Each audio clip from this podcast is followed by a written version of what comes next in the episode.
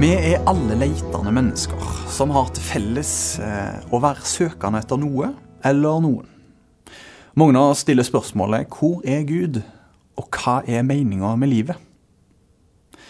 Disse tre søndagene ser vi på denne tematikken under overskriftene 'Den leitende menneske', 'Den leitende Gud' og 'Det leitende fellesskapet'.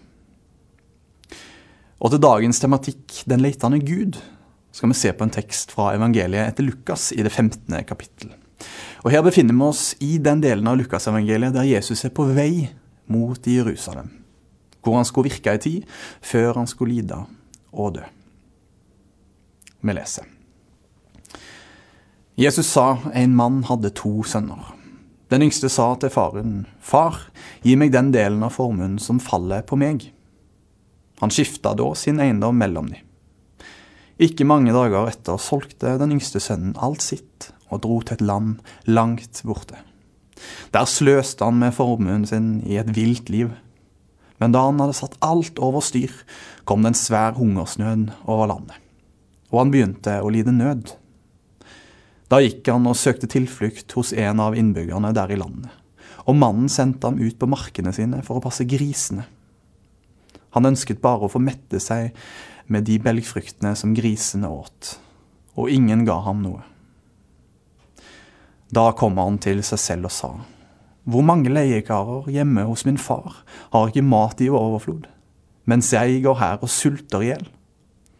Jeg vil bryte opp og gå til min far og si, Far, jeg har syndet mot himmelen og mot deg. Jeg fortjener ikke lenger å være sønnen din, men la meg få være en av leiekarene dine. Dermed brøt han opp og dro hjem til faren. Da han ennå var langt borte, fikk faren se ham, og han fikk inderlig medfølelse med ham. Han løp sønnen i møte, kastet seg om halsen på ham og kysset ham. Sønnen sa, Far, jeg har syndet mot himmelen og mot deg. Jeg fortjener ikke lenger å være sønnen din. Men faren sa til tjenerne sine, Skynd dere, finn fram de fineste klærne, og ta dem på ham. Gi ham ring på fingeren og sko på føttene.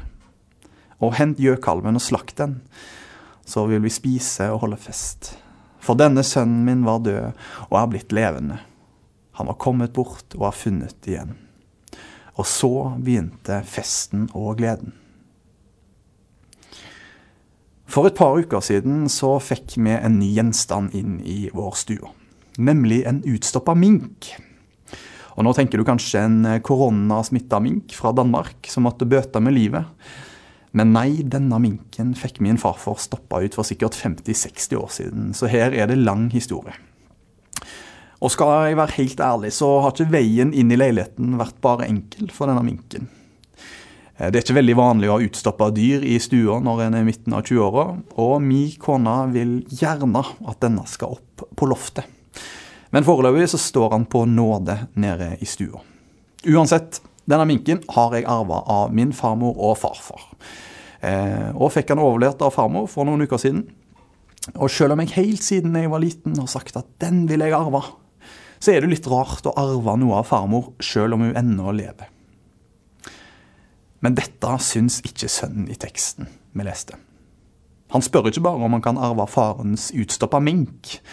Nei, han spør like greit om hele formua som vil tilfalle han. Ganske spesielt å gjøre, og nesten på grensa til provoserende. Og én ting er at det er provoserende i vår tid, og hvordan vi tenker om arv. Men det å spørre om sin arv før sin fars død, på denne tida, det var ganske mye mer drastisk. De gangene en valgte å gjøre noe sånn, så fikk en ikke bare sin del av arven. En markerte også avstand til familien. Som, og det var på litt eh, Det var litt på en måte som å slå opp med familien. Med andre ord, den yngste sønnen han kom ikke til å ville ha noe mer med familien sin å gjøre. Ganske drastisk valg, men kanskje sønnen følte det som nødvendig og riktig der og da. Deretter så bruker han hele formuen. Og dette hadde vi kanskje forstått om det var en god investering, som å komme seg inn på boligmarkedet. Men det var ikke det pengene gikk til. Det gikk til å leve et såkalt vilt liv. Noe som kan høres ganske kult ut, og det var det sannsynligvis også. Og mest sannsynlig så fikk han oppleve hvor gøy det var å kunne ha mye penger, slippe å jobbe og bare nyte livets goder. Men så skjer det som ofte skjer. Pengene tok slutt, og det ville livet var plutselig ikke så vilt og kult lenger. Han ender i grisebingen og finner til slutt ut at han ikke har noe annet valg enn å dra hjem og forsøke å få seg en tjenerjobb på faren sin gård. Og Jeg vet ikke om du noen gang har fått forskudd på arv i form av en mink, eller krevd arven din før noen har gått bort. Men jeg tror på et eller annet sted i livet vårt så kan vi kjenne oss igjen i den bortkomne sønn. Kanskje vi har gått gjennom en dyp sorg, der det virker mer som om det er den bortreiste Gud det handler om, og ikke oss som den bortkomne sønn eller datter. Eller kanskje vi opplever bunnløs ensomhet, og daglig spør oss hvor den guden som liksom skulle elske fellesskap, er. Eller kanskje vi rett og slett opplever troen som et håpløst prosjekt. Som ikke passer meg, behovene mine eller livet mitt. For noen år siden så var jeg på gudstjeneste sammen med en kamerat. og Det nærma seg tidspunktet i gudstjenesten der vi skulle feire nattverd. Kameraten min han hadde langt hår, litt hålete bukser og ei rutete, ganske slitt skjorte. Ganske fresh og kul type, egentlig. Og en klesstil som for øvrig passer veldig bra om du er i 20-åra, men ikke så godt om du er i 60-åra. Uansett, eh, i nattverdkøen så er det ei eldre dame på vei tilbake fra nattverdsbordet. Og når hun passerer den kameraten min, så stikker hun en lapp inn i hendene hans ganske diskré, før hun går videre bak i gudstjenesterommet. Det var litt som om det ble gjort en hemmelig handel, og at betalingen ble stukket ned i hånden hans, sånn at ingen skulle se det. Og det han hadde fått i hånda si, det var denne lappen her med følgende påskrift. Jeg er narkotikaen. Jeg er den som har ødelagt ditt hjem, stjeler dine barn og dine nærmestes kjærlighet til deg.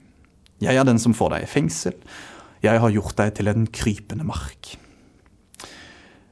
Ganske tøffe ord for en som aldri hadde prøvd narkotika. Eh, og ikke ett vondt ord om at Jesus kan være redningen fra rus, narkotika og avhengighet.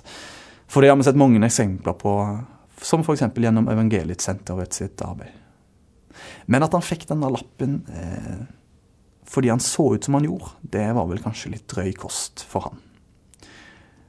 Og selv om Gud kan lete etter oss i vår avhengighet og det som binder oss, det som begrenser oss, så viser dette oss at eh, kanskje noen ganger så skal vi overlate letinga til Gud. Gud som vet. For Gud leiter. Det ligger i Guds vesen at han er leitende og ventende. Og I Den norske kirkes liturgi fra 1977 så finner vi følgende synsbekjennelse. Hellige Gud, himmelske Far, se i nåde til meg, syndige menneske, som har krenket deg med tanker, ord og gjerninger, og kjenner lysten til det onde i mitt hjerte. For Jesu Kristi skyld, ha langmodighet med meg Tilgi meg alle mine synder, og gi meg å frykte og elske deg alene. Ha langmodighet med meg. Det er ikke det ordet som er mest innarbeida i vårt vokabular. Eh, og vi kan nok fort tenke at dette ordet er synonymt med tålmodighet. Og på en måte så handler det om det samme. Men når vi har langmodighet med noen, så evner vi å bære og tåle andre svakheter. Så vi ber Gud om at han skal tåle oss, det vi ikke får til, og at han skal bære den svake troen vår. Vi vet lite om hjemturen for den yngste sønnen i bibelfortellingen, men vi kan forestille oss hvordan det var. Han grua seg nok og skamma seg nok, og var nok neppe lett i steget. Og hadde det vært meg som gikk der, så hadde jeg nok visualisert alle mulige scenarioer i hodet. Øvd meg på hva jeg skulle si til pappa, for at han skulle kunne forstå litt av håpløsheten jeg kjente på. Og vi vet ikke om sønnen formulerte en synsbekjennelse i sitt indre på veien hjem. Men at han bar på en bønn om at hans far måtte ha langmodighet med han, det er ikke utenkelig. Men så viser det seg at all krisemaksimeringen, all visualiseringen og planleggingen for hva han skulle si, det var ikke vits. Faren løper han i møte. Og sønnen prøver seg riktignok på en unnskyldning og et forsøk på å spørre om han kan være leiekar hos han. Men faren bryr seg katta om det. Han spør ikke hvor pengene er, hvor han har vært, eller hva han har gjort. Det eneste som teller for faren, er å feire at sønnen hans er kommet hjem. Og jeg vet ikke om vi finner et vakrere bilde på Gud og oss mennesker i Bibelen. En Gud som løper oss i møte, som ikke graver i fortida vår, feilstegene våre, men som er genuint glad i oss, og som har langmodighet med oss. Det er den Gud vi blir utfordra til å forkynne om. En Gud som ser forbi vårt ytre og våre ytre handlinger, og som elsker oss for hvem vi er, ikke for det vi får til, eller for det vi ikke fikser. Jeg vet ikke hvor du er i livet ditt akkurat nå, men det jeg vet, er at vi kan stole på en far som alltid står med armene åpne. Uansett hva vi bærer på, eller hvordan vi har det. Så får vi lov til å vende oss mot Han som aldri vender seg bort. Takk, himmelske Far, for at du alltid løper oss i møte. Og uansett hvor langt unna vi kjenner at vi er unna deg, eller hvor langt unna du føles, så er du nær oss.